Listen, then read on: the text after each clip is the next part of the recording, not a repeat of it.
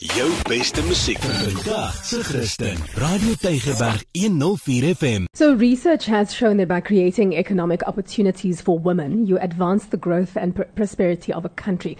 And this morning, we explore the aims of transformation in business for black females and why this is so important. Now, on the line, we have Divya Vasant, who is the CEO of Amazi. They provide women with the tools and opportunities to unlock their potential and progress to positions of ownership within the wellness industry. Good morning, Divya. Welcome to the On Bait Show. Good morning. Thank you so much for having me. Good morning. Divya, can you describe the core essence of Amazi? Sure. So, Amazi is a social impact brand that creates opportunities for women who don't have access to the resource and support they need to learn and earn. Um, specifically, we develop unemployed young women through a holistic training program offering soft skills, accredited technical beauty skills, and opportunities to apprentice. And within our Amazi stores, we help women start and grow micro businesses. So while they trade with us and grow their income, we provide business mentoring so they're able to sustainably provide for themselves and their families. Hmm. And I think the most important thing about Amazi is we fund how we develop women through directing the money women already spend on their self-care at our stores. So specifically, when women choose to get their their treatments, their, their manicures, their pedicures, their gels, their threading done at Amazi, we're able to amplify the money that they spend by unlocking further development money to collectively direct towards the upliftment of women and women-owned micro business. So, uh, Divya, how important is transformation to you and, and what value does it bring?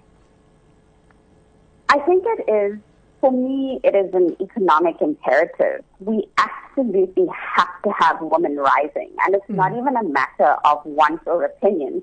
Our economies need women to lead, to start businesses, and to affect positive change. I mean, I read a report last week that said that if women and men stood on identical footing in terms of participation in the economy through paid work and through entrepreneurship, the world could see as much as $28 trillion in global growth by 2025. Sure. I mean, imagine that. That would be the GDP of the US and China put together. Sure. Wow. Um, so, how can organizations, uh, both private and governmental, actually assist in the transformation for black females? Well, I think, you know, a lot of it is basically about being very cognizant of who we have in decision making positions. We're all victims of unconscious bias. We're wired to create and support what looks familiar to us, what feels familiar to us. So when we speak about the need for diversity, it's not about one gender or one race or, or one grouping of people mm. being better than another. It's actually about the fact that the concentration of decision making is still held by one particular group. Mm. And in order for us to have more black women start businesses, black women infiltrate organizations, black women rise, we actually have to have black women in decision making positions. And until we do that, we're going to systemically fail at including women in our economy.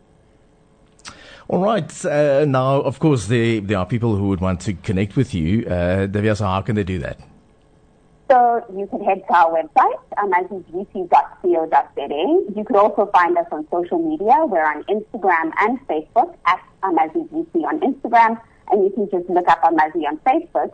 If anyone wants to connect with me personally, you can look me up on, on, on LinkedIn as well as our organization, and we'd be more than willing to engage because I think helping women and championing women is it's a necessity. It's a priority that we all need to dedicate ourselves to.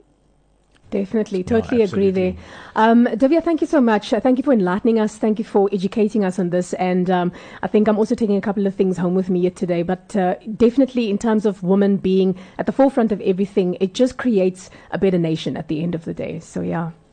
Absolutely, absolutely. So for all of us to prosper and all of us to rise, we need to make women rise. So true. Thank you for joining us. Thank you very much, Divya. Thank you. Thank you for having me. Bye-bye. Bye. Jou beste musiek vandag se Christen. Radio Tygerberg 104 FM.